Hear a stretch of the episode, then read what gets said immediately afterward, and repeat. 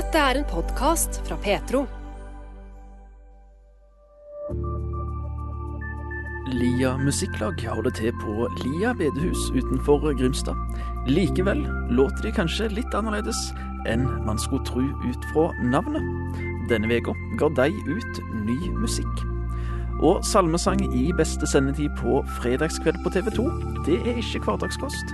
Og Camilla Amundsen sin opptreden ble mottatt med stor jubel fra både dommere og publikum i sangprogrammet The Voice. Og hvordan var det å stå langs veien da Jesus rei inn i Jerusalem på palmesøndag?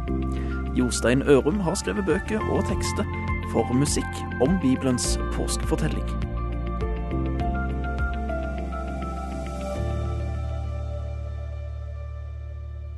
I 2020 kom gruppa Garnes ut med platen Gåten om korset, som er en fortelling om personer som møtte Jesus i hans siste påskeuke, men òg om den lidende kirke i verden og om vår tro og vårt liv.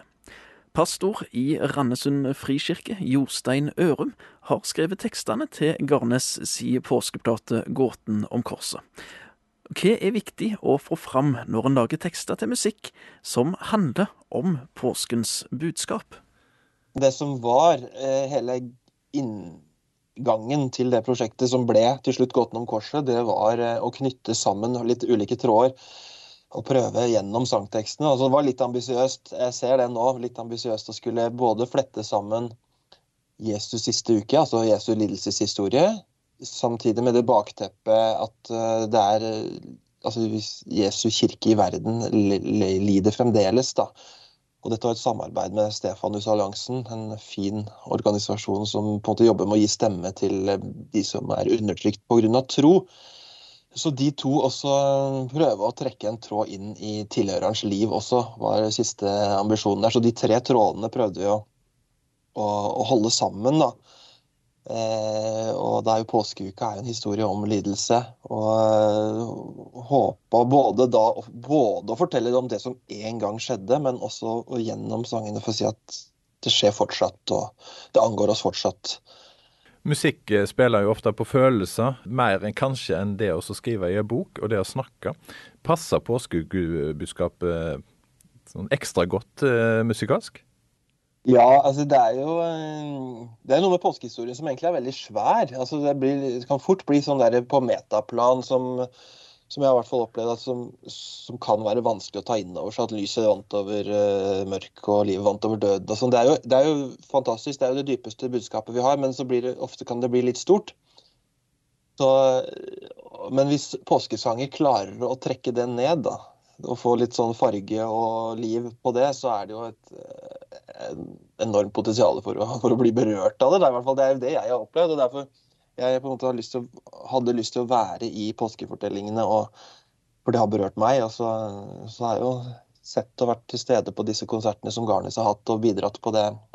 Det første året var jeg jo med på alle konsertene, og jeg ser jo at det berører. og Både litt overraskende og veldig gledelig, og veldig rørende for oss som har lagd det også. Men Hvordan er det å sitte og høre deg framføre tekstene dine? Hvordan er den mm. opplevelsen for en tekstforfatter? Det er helt utrolig fint. Og så er det litt rart også for deg, sånn at jeg kan sitte der og ikke tenke noe spesielt over at det er jeg som har skrevet det.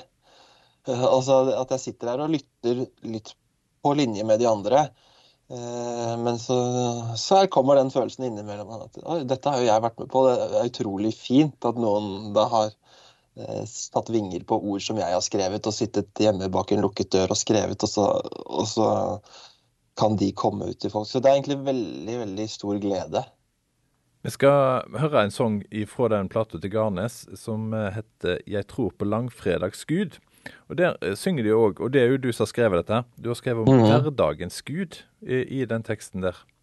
Er det en utfordring å få påskebudskapet og, og den lidelseshistorien som, som den inneholder, og, og, få det til å fungere i hverdagen?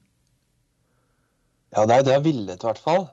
Eh, å trekke trådene, eller trekke linjene fra det veldig store og helt til min vanlige dag, hvor jeg driver med disse helt vanlige, alminnelige tingene, og så er Gud i det, så bor Gud i det. og Eh, for den sangen, der, der ville jeg jo Det er egentlig en trosbekjennelse som jeg skrev etter at jeg hadde vært i Irak. Og så hadde jeg på vei hjem fra Irak, så kom den, den der teksten til meg, ordene, ordene der. For da hadde jeg møtt en prest som heter Salar, i en sånn utbomba by som het uh.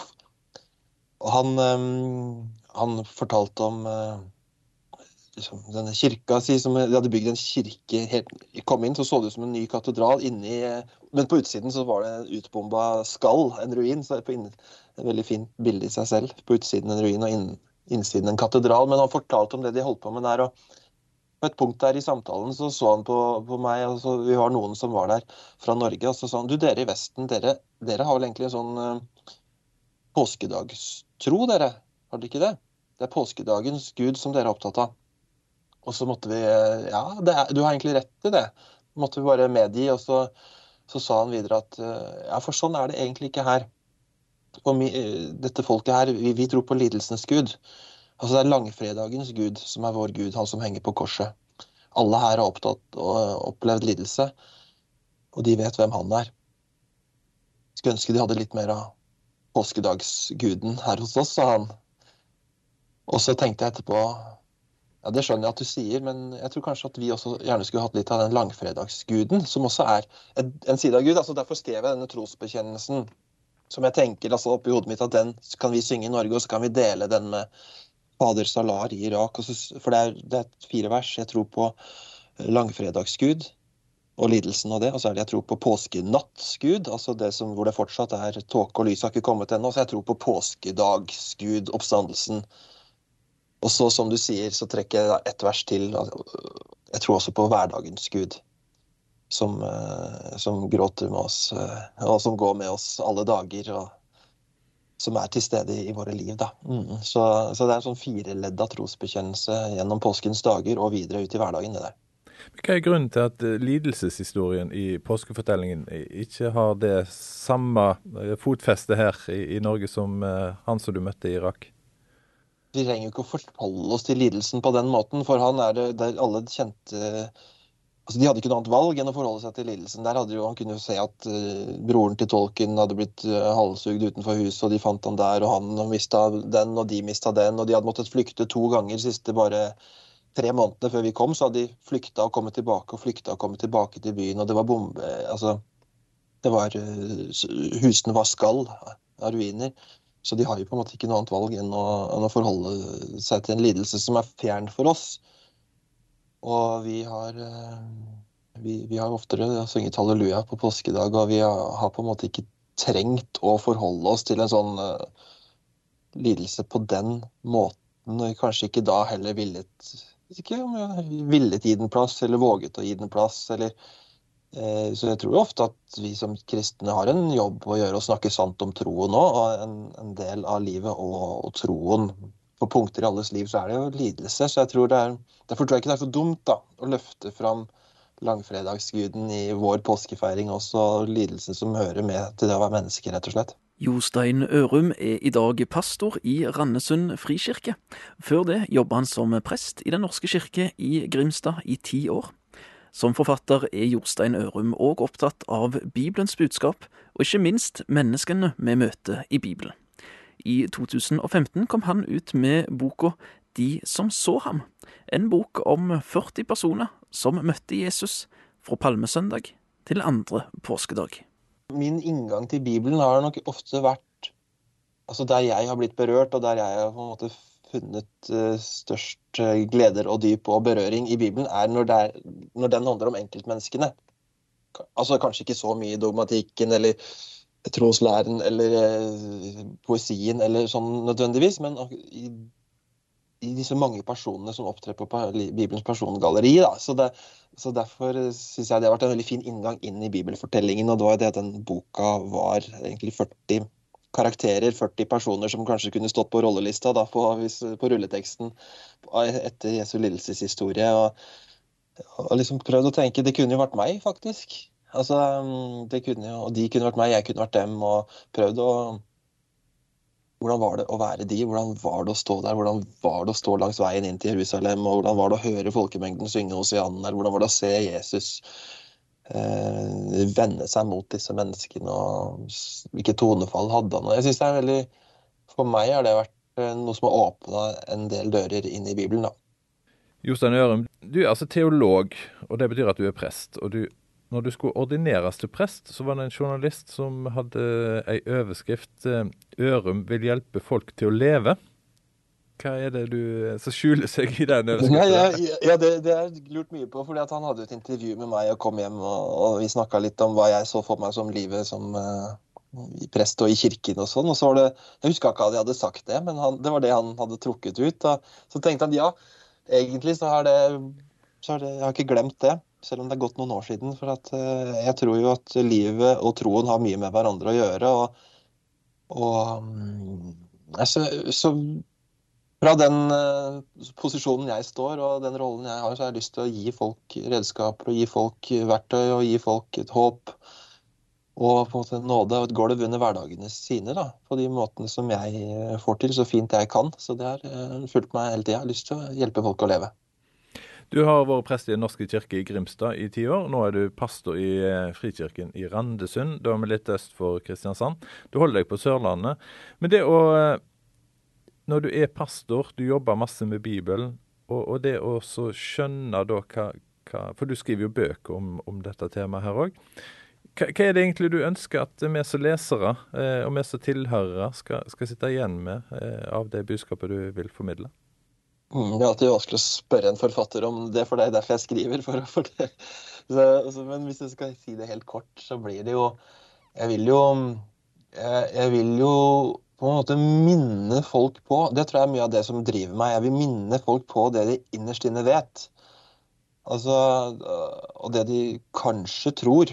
Men å holde det varmt og sette ord på det på nytt, på nye måter med, med de ordene jeg kan, så jeg har lyst til å måte, vekke opp og hente ut det folk allerede tror. og Det er noe som på en måte ble tydeligere og tydeligere da jeg jobba i Den norske kirke. Ble, da ble det en sånn drivkraft for meg å se at jeg, hvor man har disse sammenhengene hvor det er lav terskel inn, og er, man døper med, med, større og mindre grad av refleksjon fra foreldrene. ikke sant? Men uh, i stedet for, da må man velge om man skal være irritert for at uh, disse misbruker og det er uh, tankeløse, ureflekterte mennesker, eller kan, så kan man velge å si at her er det et eller annet fint, her er det noe her er det egentlig en tro. Hos de aller fleste så er det en eller annen tro som jeg har lyst til å da løfte fram og peke på at dette er det vi tror på.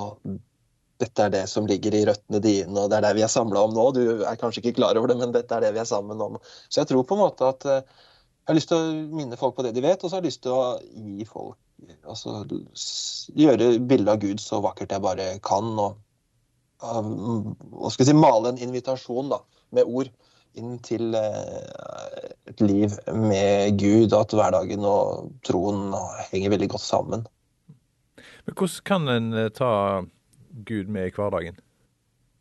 Jeg tror i hvert fall at hvis man, hvis man tenker på det, så bør man ikke ha for store mål, men i de, i de små tingene tror jeg er veldig, veldig fint. Altså, et takk til Gud når dagen er slutt. Takke for eh, det som var bra i dag. Takke for menneskene man fikk møte og det man fikk være med på. Altså, da holder man jo troen levende hos seg. Sånne små, jeg tror på små vaner. En kort, en kort morgenbønn og et bibelord. Eh, og også fellesskapet. Ha et fellesskap. Jeg tror ikke vi er så sterke som vi tror, egentlig noen av oss. Så vi, vi trenger noen å lene oss på. Et, et, menighetsfellesskap som vi kan stå skulder ved skulder ved å si at jeg tror på Gud Fader, den allmektige, på søndag. Si sammen og, og kjenne at vi, vi kan her kan vi bidra med kreftene våre, og her kan vi komme når vi ikke har noen krefter. Og så lener vi oss på hverandre, og så hjelper vi oss til å, å tro sammen. Og vi kan til og med be sammen. Og vi kan Nei, så det, de, egentlig små ting. Hvis man har altfor høye ambisjoner for den siden, så, så er jeg redd det ikke varer så lenge. Da blir man litt sliten. Det sa Jorstein Ørum, som til daglig er pastor i Randesund frikirke. Og han har òg jobba ti år som prest i Den norske kirke i Grimstad. Han har skrevet tekstene til Garnes si plate Gåten om korset, som handler om personer som møtte Jesus i hans påskeuke, men òg om den lidende kirke i verden, og om vår tro og vårt liv. Intervjuer var Bjørn Steinar Haugland. Du lytter til en podkast fra Petro. Vi ønsker å formidle tro, rotfestet, redelig, reflektert og relevant, slik at du blir inspirert til etterfølgelse av Jesus. I tillegg til podkaster og webradio kan du høre Petro på DAB 24-7 mange steder i landet. Camilla Amundsen valgte salmesang på sin audition på TV 2-programmet The Voice. Det var både for å stikke seg ut, men òg fordi hun ville synge noe som hun sto inne for. Sjøl er Camilla Amundsen overraska over responsen, og forteller at det var ikke hun sjøl som meldte seg på. Ja, altså når sant skal sies, så var det en venninne som meldte meg på. Eh, men jeg har selvfølgelig samtykket da, til Ja. å bli meldt på. Ja. Nei, vet du hva. Jeg, jeg er ikke veldig konkurransemenneske. Eh, så jeg har fått spørsmål om det mange ganger, hvorfor jeg ikke har meldt meg på før og den biten der. Eh, men grunnen til at jeg valgte å bli med på det nå, var fordi at jeg, jeg tenkte at det kan være en, eh, et fint sted for meg til å utvide plattforma mi. da. Forhåpentligvis få noen nye lyttere i forhold til det jeg har i dag, da. Hvordan var opplevelsen da med audition og, og bare hele greia? Ja, eh, ja, hele greia er egentlig fint du sier, for det er, det er jo ganske mye mer enn det man ser på TV. Mange runder eh, i forkant i form av Det er selvfølgelig søknaden, men også innsendinger og diverse sånne workshops, kan du kalle det. Hvor vi får mye veiledning og, og type auditionrunder, egentlig, før man kommer til blind.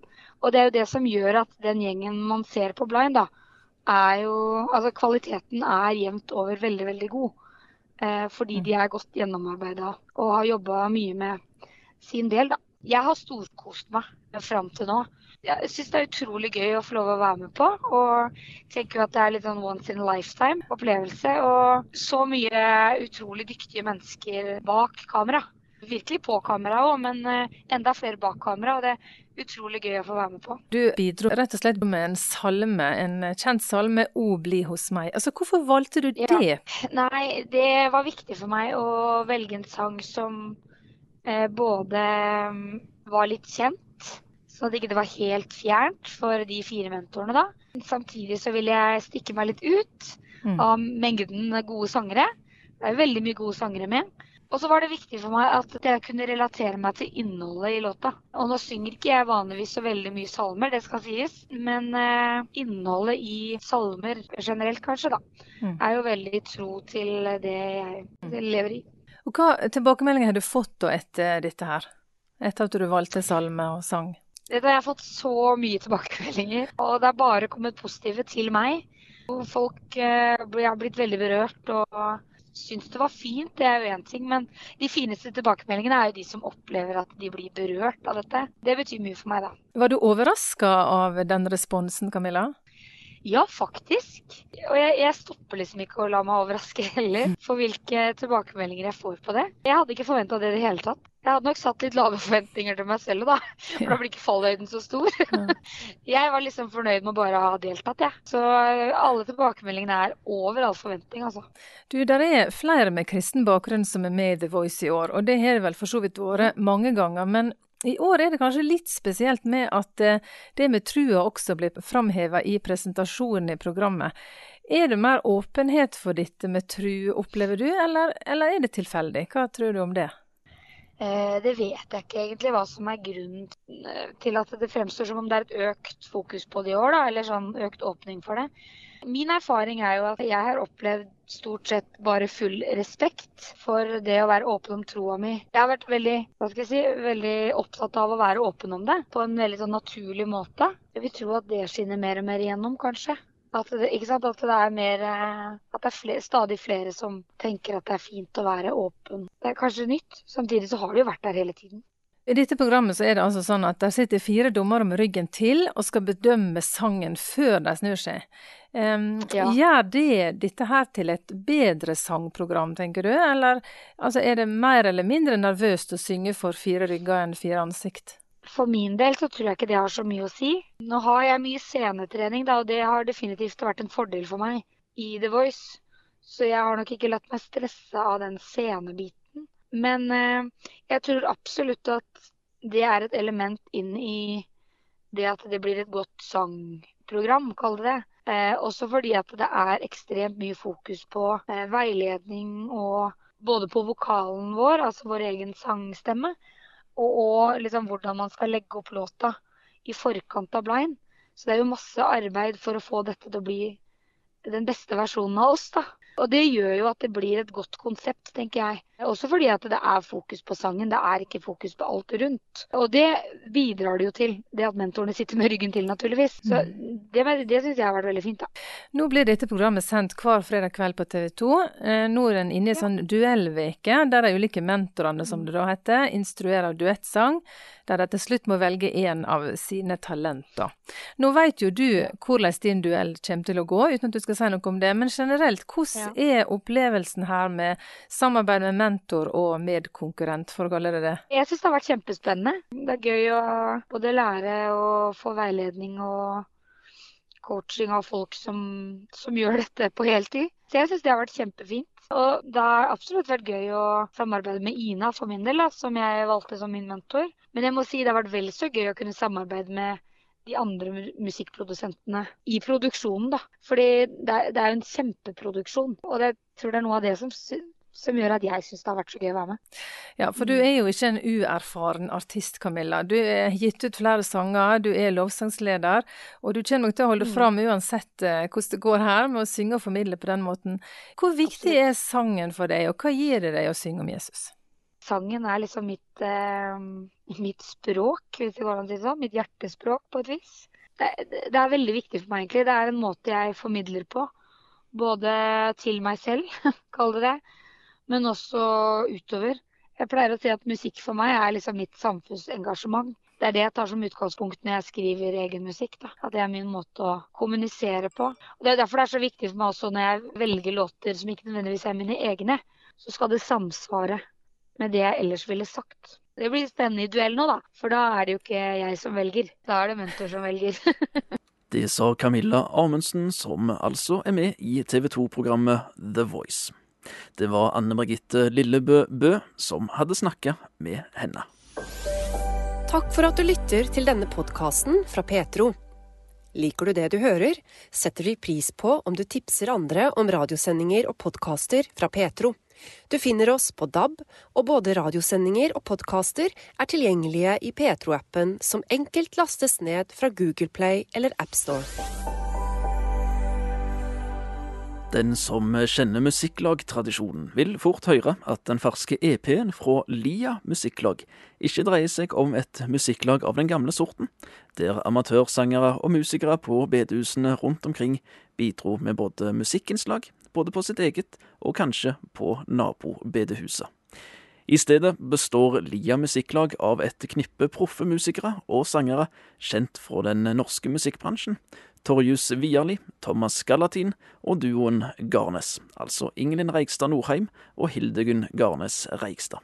Men koblingen til bedehustradisjonen er på ingen måte tatt ut av løse luften. Vi var så, eh, altså Jeg og Hildegunn vi var så heldige når vi flytta til Sørlandet at vi fikk eh, rett og slett overta et gammelt, uh, lite bedehus som ligger på landet rett utenfor Grimstad. Som vi da har bygd om til et musikkstudio. Ja, mm. og der selvfølgelig kom da Lia fra i navnet Lia musikklag. Så det var utrolig gøy å ha en happening når vi hadde release. Og flere av disse som pleide å gå på bedehuset og, og var ildsjeler i det arbeidet, de var inviterte. Mm. Det var så kjekt å ha de der. Og en av de fortalte mm. veldig flotte historier fra gamle dager. Og, og, engasjementet der på bedehuset. Han kunne fortelle at uh, de hadde et musikklag var knytta til Lia bedehus, nemlig Lia-musikken. Um, og der var det folk som spilte mandolin, og det var trekkspill og gitar og feler. To feler, mm. tror jeg. Og det var jo litt sånn at had, kunne man spille et instrument, så var man med på det. Så mm. satte man sammen det man hadde. Uh, og den tanken den liker vi veldig godt. Den inspirerer oss da, med at liksom, ja, vi bringer det vi kan og det vi har. Og så blir det noe unikt. Mm. Han fortalte at det var et uh, musikklag på hvert bedehus i området, og det var nesten et steinkast mellom hvert mm. bedehus. og så møttes man gjerne til fester, som han fortalte om. Det var, det var liksom stor stas. Og da mm. spilte hvert eneste musikklag eh, noen sanger, og så hadde man felles nummer. Og det måtte være to predikanter, må Ah, vite. Nei. Og mat og i det hele tatt. Veldig gøy å høre historiene fra gamle dager. Men det var altså før.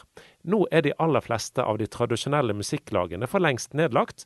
Men søstrene Garnes, ektemann Vierli og musikerkollega Galatin har latt seg inspirere av historien når de valgte bandnavnet Lia Musikklag. begynner på en tanke vi har hatt veldig lenge, at vi har lyst til å gi ut noe kristen musikk. Som, eh, det har vi snakka om i mange, mange, mange år. Så har vi liksom ikke funnet helt ut hvilken form dette her skal ha. da. Eh, og som vi har egentlig penska på lenge. Og så, så falt vi da til slutt på å lage dette som vi kaller det kalt for Lia musikklag. Eh, og det som, eh, som vi syns er fint med det, er at det er måte, det er noe som ikke nødvendigvis er linka til våre ansikter eller våre personer, men det er en sånn en enhet som vi kan gå inn på og, og tjene for oss. da. At det er den som på en måte, det er liksom, det er budskapet og musikken som er viktig, mer enn våre, våre personer eller ansikt. Kristentroen er en helt sånn sentral del av alle våre liv. Eh, og så har vi jo jobba profesjonelt med musikk i mange år, og, og meg og Ingelin har jo selvfølgelig formidla mye, mye musikk med kristent innhold og fokus, for så vidt. Men, eh, men nå hadde vi liksom lyst til å bare forene kreftene og, ja, og rett og slett eh, Ja, vi tror, vi tror jo kristenfolket trenger et variert tilbud av musikk. Og da tenker vi at vi kan være en stemme inn i det så har vi òg også gått med en del sanger som vi liksom ikke har, fått, har hatt noen arena for å gi ut. Som kanskje ikke har passet helt inn i Garnes-universet. og Eh, mens nå har vi liksom skapt en, eh, en liten plattform der vi kan, kan gi ut mye av det som vi, som vi tror kan, kan være til oppmuntring for kristne. Og, eh, og kanskje en ressurs inn mot menigheter. I et litt annet uttrykk enn mye av det som blir gitt ut. Hva er Lia Musikklag eh, anno 2023 sånn musikalsk? Altså, Vi trives nok litt godt med at det ikke skal ha en merkelapp, rent musikalsk sett. da. Litt utgangspunktet var at vi har lyst til å samles og, så, og, og bruke det vi har av vår musikalitet og vår smak. Og, og at det var på et utgangspunktet. da. Mm. Og det er jo litt tanken med det musikklaget. at uh, Det kan godt være at vi tar med litt uh, andre folk senere. Mm. Vi har faktisk allerede begynt så vidt å spille inn noen barnelåter som uh, antageligvis kommer på Lia musikklag etter hvert. da. Så det kan jo bli mye forskjellig i framtiden. Hvem vet om det kommer en, eh, kan komme en instrumentalplate, hvem vet? Eller mm. salmetolkninger, eller Ja, vi ønsker å ha det veldig åpent. Tanken er nemlig at Lia Musikklag kan være et kreativt fristed, der de ikke trenger å forholde seg til alle hensyn man vanligvis må ta som profesjonell aktør i musikkbransjen. Man bygger jo litt merkevare som eh, en artist, f.eks. Og, og det er jo klart hvis man skal kunne leve av musikken, og sånn, så må man jo tenke litt på, på salg. og Mens uh, dette her er rett og slett et sånt fristed der vi føler at det ikke er så mange sånne hensyn å ta, eller så mange rammer rundt det. da. Vi har liksom ikke kalkulert med at vi skal tjene, tjene penger på dette her. Det er ikke sånn ja, hva må vi gjøre for å komme på P3, liksom. Er det masse glede i et sånt prosjekt? ja. Veldig. Det er noe med at når du gjør et eller annet som ikke handler mindre om deg sjøl, Mm. det gir en veldig frihet. Og det er Mm. kanskje litt det vi føler litt på her òg. At det at vi har det musikklaget gir en, en stor frihet da, og en veldig sånn glede. Alle vi fire er jo engasjert i menigheter på hver vår plass. Så vi har jo liksom det der menighetslivet og, og tjenesten òg med, med musikken der. Og um, for eksempel så hadde jeg en, en sånn lovsang, eh, eller en bønnesang som heter En enkel bønn. Og som eh, vi har brukt litt rundt omkring. Og da har det vært utrolig mange som har spurt å, kan dere ikke spille den inn, så vi kan bruke den. Vi kan bruke den i menigheten eller ja, her, personlig i bønnelivet.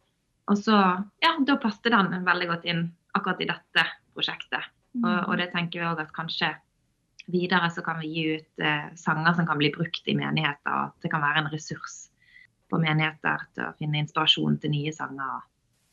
Bønn er et sentralt tema på EP-en 'Finnes det en port?' fra Lia Musikklag. Tre av låtene på EP-en har tekst av Jostein Ørum, mens melodiene er det søstrene Ingelin og Hildegunn som står for.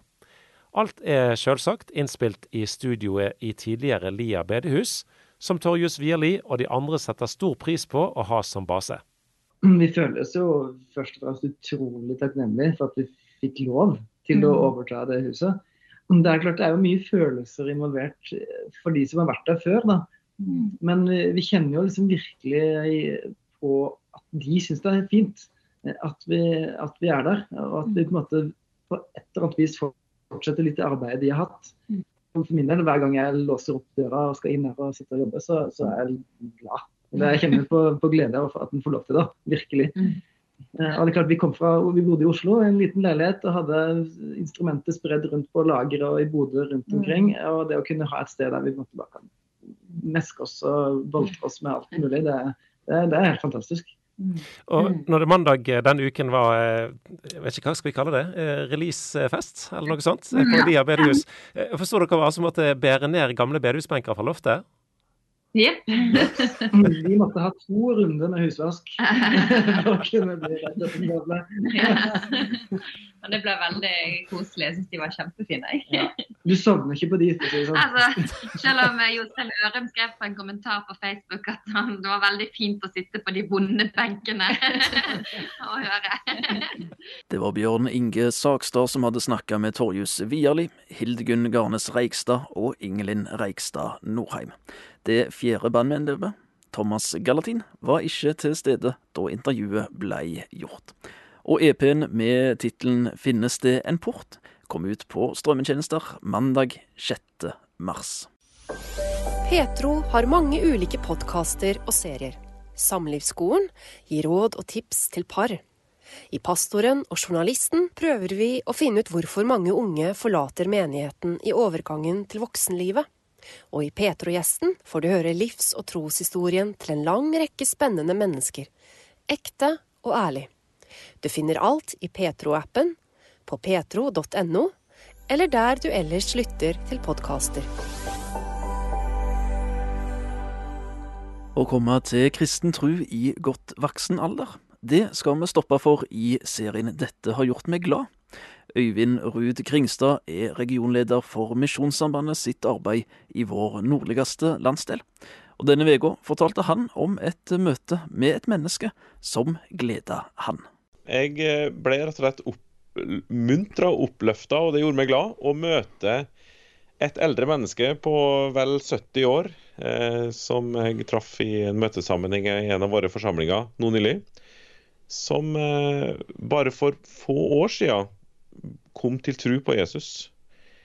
Eh, og funnet til rette i uh, en forsamling, en uh, ja, forsamlingssammenheng.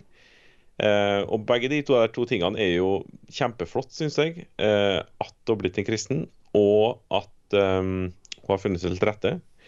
Og så har hun da selvfølgelig en omsorg, eller ikke selvfølgelig, men det, det er jo det som er så artig òg, da.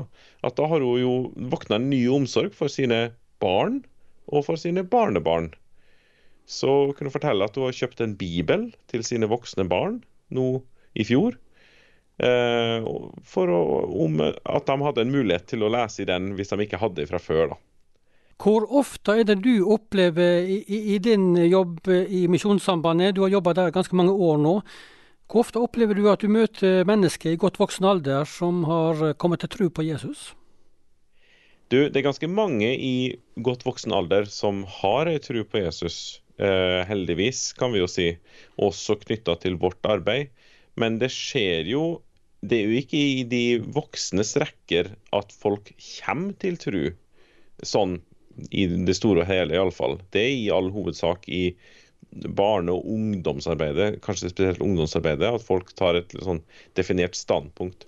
Og Derfor så er det særlig flott, syns jeg, da, at her er det rett og slett et voksent menneske som har hørt en god del fra sin oppvekst, helt sikkert, og liksom fått med seg noen ting, men som har levd på avstand fra det her hele sitt voksne liv. Og så kommer hun rett og slett til levende tro på Jesus i voksen alder. Og det er, er det bare helt fantastisk. Det er jo fantastisk uansett hvem det er, og når det skjer. Men ja, jeg vet ikke helt. Det er ekstra artig når det er mennesker i den livsfasen, tror jeg kanskje jeg vil si, altså. Ja, hva er det som gleder deg med det? Vet du hva? Det betyr eh, Nå er det bare Gud som kjenner hjertene, det skal vi jo ta si, forbehold om. Men eh, vi skal ha glede oss over at det er en ny himmelborger. Et menneske som har fått et håp for evigheten og som, og som ikke hadde det før. Og som ikke var på den veien før, rett og slett. Det er den største gleden. Og så er det veldig oppmuntrende da å være i en sammenheng der vedkommende finner sin plass og, og får næring for sin tru, for et kristent fellesskap, og blir hjulpet i veien videre. Ja, da tenker jeg da er vi inne på noe, altså.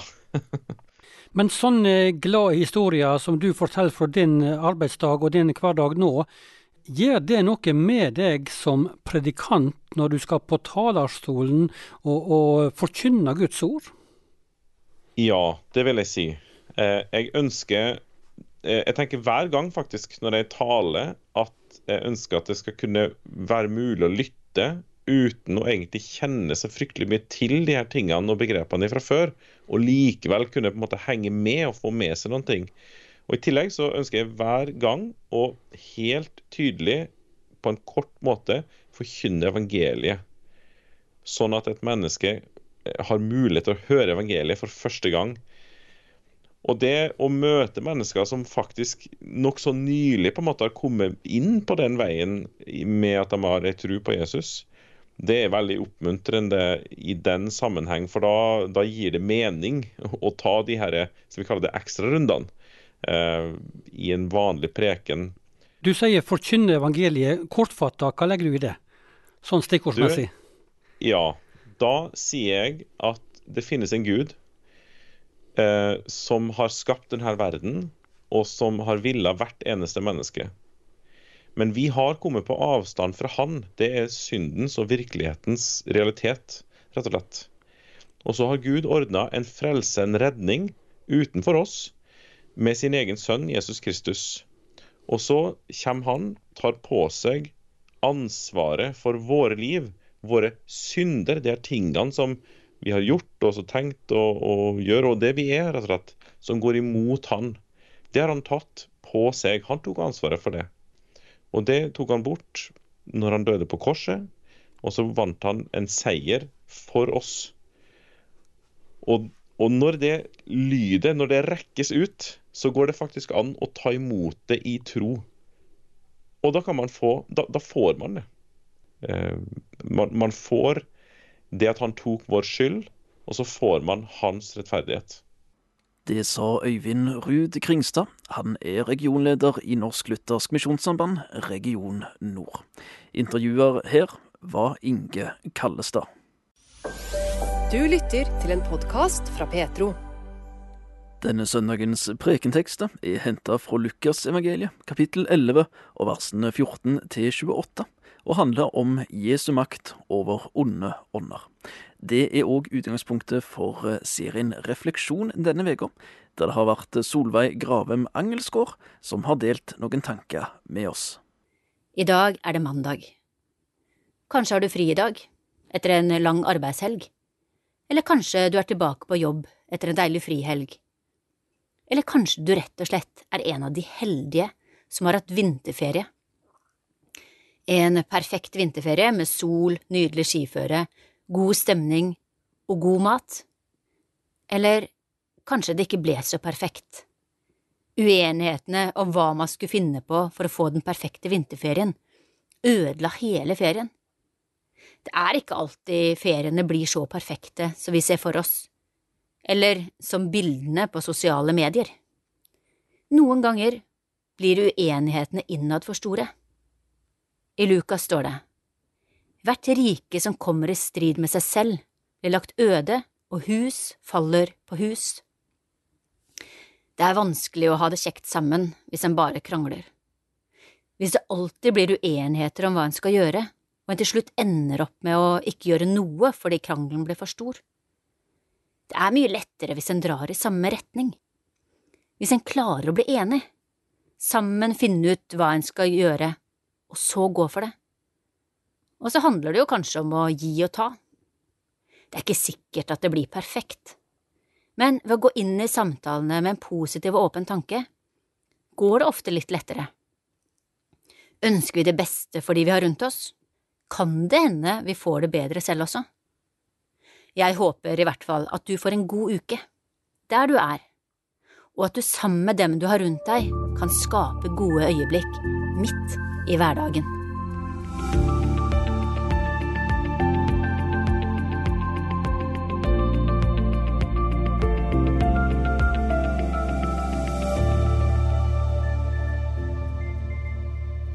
Jeg sitter og tenker på hvordan vi alltid prøver å finne naturlige forklaringer på alt rundt oss.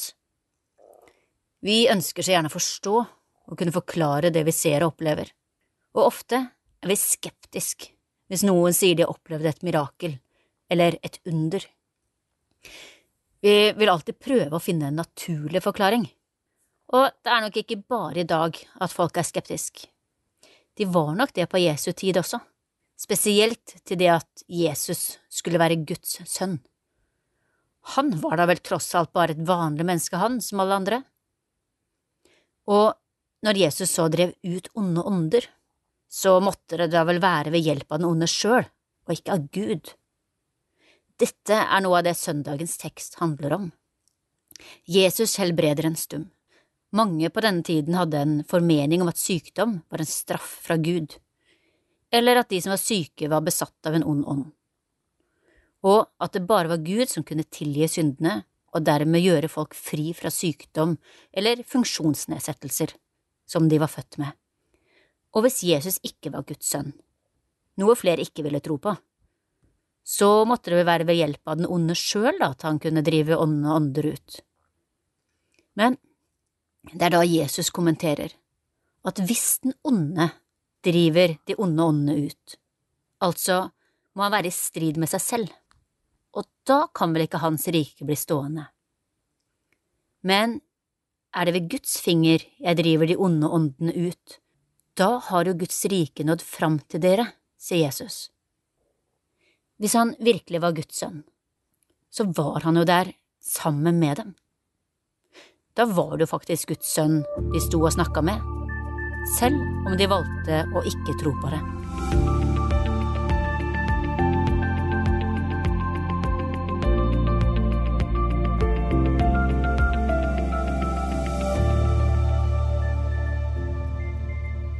Jeg hadde planer om at jeg i denne fasetida skulle ta meg litt bedre tid til å lese Bibelen og til å be, men så raser dagene av gårde med jobb og aktiviteter, møter som skal planlegges og gjennomføres, unger som skal hentes og leveres, en telefon som skal sjekkes for en melding, og oi da, der hadde jeg visst scrolla litt på nyhetene i tillegg, bare sjekka et par sosiale medier, og så forsvant plutselig en halvtime, eller kanskje mer, før jeg ante ordet av det. Tid jeg heller kunne brukt på det jeg egentlig syns er viktigst. Men så la jeg meg avspore, gang på gang. Hvorfor skal det være så vanskelig å sette seg stille ned med Bibelen, lese i den boka jeg mener har de viktigste historiene, den jeg ønsker skal være en veiviser for livet mitt. Hvorfor lar jeg meg selv forstyrre? Jeg vil i hvert fall fortsette å prøve å sette meg ned med den boka jeg mener er viktigst. Det er fremdeles en del uker igjen til påske, og flere dager der jeg kan ta opp Bibelen og lese. Selv om ikke alle tekstene er like enkle, og det er mye i Bibelen som kan være vanskelig å forstå som søndagens tekst om onde ånder. Men alt handler jo ikke om å forstå. Og noen ganger må vi kanskje slippe litt tak, og innse at det ikke er alt vi kan forstå eller få et klart svar på, og så hvile i at Gud har kontroll, selv om ikke vi ser det.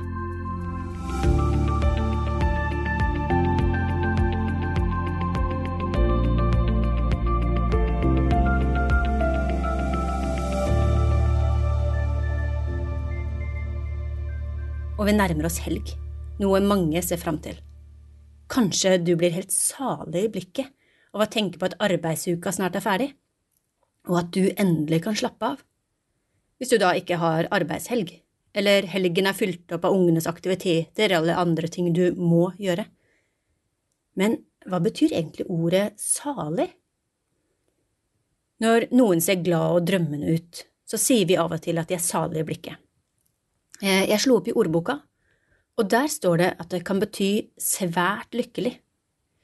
Du kan ha en salig glede eller et salig smil. De nevner også at det kan bety frelst, få et evig liv. Jeg søkte også i Store norske leksikon, og der refererer de til at når ordet blir brukt i Det gamle testamentet i Bibelen, så handlet det om, om velvære og glede, og å være velsigna av Gud. Et eh, kort Google-søk på synonymer til ordet salig, så dukker noen av disse ordene opp. Begeistra, bli, ellevill av fryd, fornøyd, gledesstrålende, lett om hjertet, lykkelig, sorgløs. Så er du salig, da har du det virkelig bra. Du kan nesten ikke ha det bedre. Så når da Jesus sier salige er de som hører Guds ord og tar vare på det, så må det bety at de som er så heldige å høre Guds ord og klarer å ta vare på det, ikke nødvendigvis forstå det, men kanskje gjemmer de sitt hjerte slik Maria gjorde, de må være lykkelige. Guds ord kan gi glede og begeistring. Og så ønsker jeg deg en salig og gledesstrålende dag videre.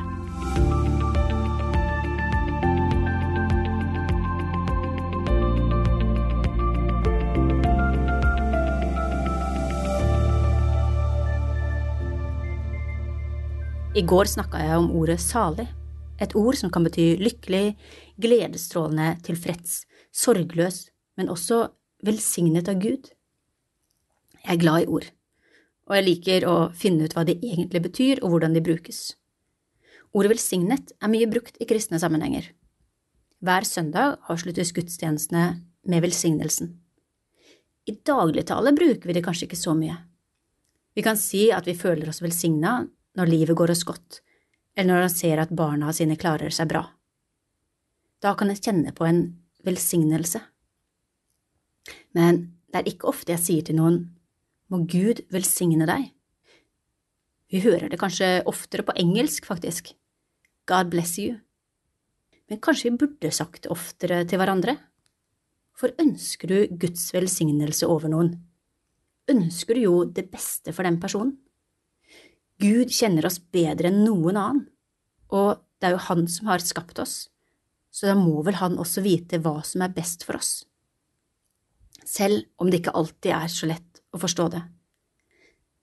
Men det er vel kanskje som når barna våre ikke alltid forstår hvorfor vi sier nei, eller at de syns at de har de strengeste foreldrene i hele verden når ikke de får være oppe så lenge de vil, eller får spille de spillene de vil men det er jo fordi vi ønsker det beste for dem.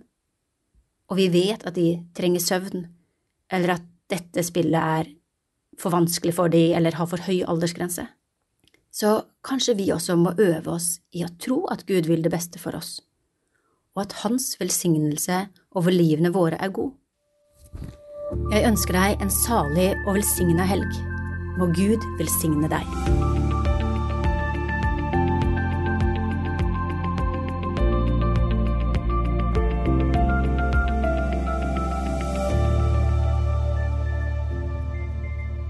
Du har hørt eh, Solveig Gravem Angelsgaard reflektere over søndagens tekst i kirkeåret, som vi finner i Lukas evangeliet kapittel 11 og versene 14 til 28.